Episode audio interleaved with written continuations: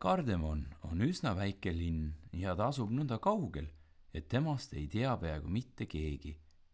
Need, kes teavad, oleme ilmselt ainult sina ja mina ja veel mõni. Kardemon on üpris kummaline linnake, kus juhtub nii mõndagi, mida mujal ei juhtu.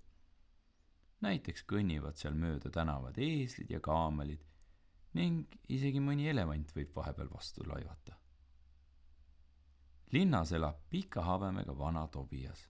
seal elavad ka vorstmaaker ja trammijuht Syversen ja habemaja Sörensen. ja Reemo ja Tommi ja tädi Sofie ning väike Kamomilla. ja seal elab ka kordnik Bastian, kellel pole kunagi tahtmist kedagi vahi alla võtta. läbi linna oma väikest jalutuskäiku tehes jagab ta sõbralikke tervitusi paremale ja vasakule ning hoolitseb selle eest, et kõigil oleks hea olla keset Kardemoni linna asub kõrge ümmargune maja. see on vana Tobiase tornmaja. tema on linna kõige targem elanik. võib-olla sellepärast, et tal on nii pikk habe. vana Tobias on muuhulgas Kardemoni linna ilmatark. selle ameti tarvis on tal pikk silm ja sellega istub ta üleval kõrgel oma tornmajas ja silmitseb maailma. ja kui ta näeb kusagilt kaugelt lähenevat rajuilma siis astub ta oma tuba ümbritsevale platvormile ja hõikab üle platsi ja linna. tähelepanu, tähelepanu, ilmaennustus pärastlõunaks, vihmasadu ja vastik ilm. siis otsivad inimesed vihmamantlid, kalossid ja vihmavarjud välja ja kui sadama hakkab, siis ei too see nii palju pahandust kaasa. aga isegi Tobias võib vahel eksida sest ilma ennustamine pole sugugi kerge. ühel päeval, kui ta üleval oma tornmajas istus ja välja vaatas, märkas ta kaugel idas õige musti pilvi, mille alt paistis raevukas vihmasadu. ta tõttas kohe platvormile ja kuulutas üle kogu linna.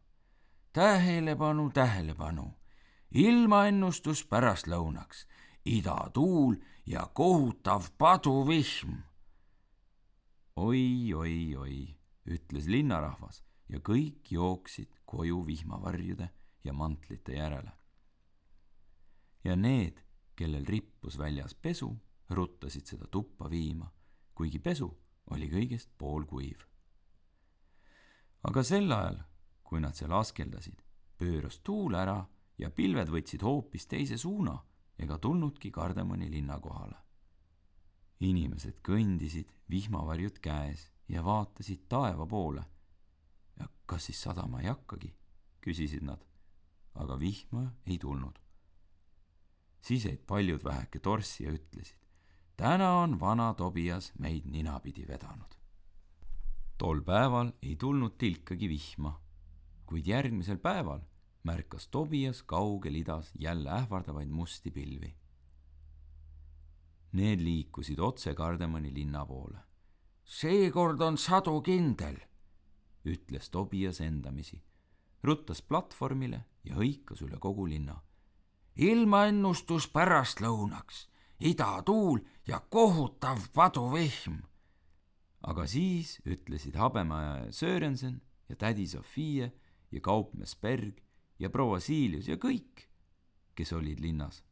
oh ei Tobias, teist korda sa meid juba ei tüssa. keegi ei jooksnud koju vihmavarju tooma ning pesu jäi välja rippuma. daamid jalutasid, uhked hõlkübarad peas ja turuplatsil seisis proua Siilius ning müütas puuvilja, marju ja juurvilja. tol pärastlõunal sadas nii, et tänavad pladisesid.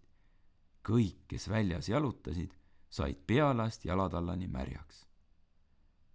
tädi Sofia õlgkübar rippus üle kõrvade alla, proua Siiliuse marjad olid püdelad otse kui mahl ja moosikört ja pesu sai nii märjaks, et see tuli uuesti välja väänata. kõik vaatasid imestunult üksteisele otsa. kummaline lugu, ütlesid inimesed. seekord ta meid ninapidi ei vedanud, aga ninapidi veeti meid sellegipoolest eks ta ole.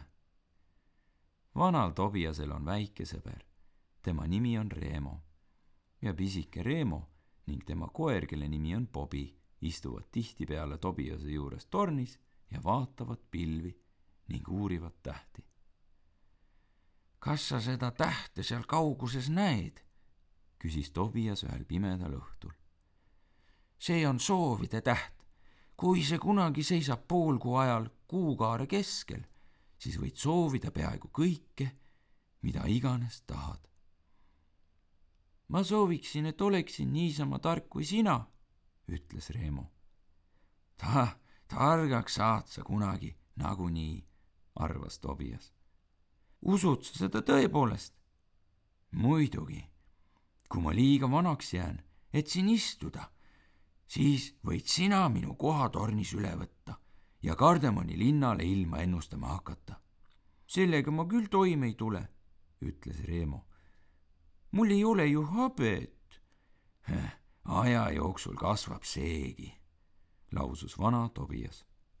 siis tõstis ta pikksilma ja hakkas maailma uurima, lauldes samal ajal laulu ilmast idas, läänes, põhjas ja lõunas.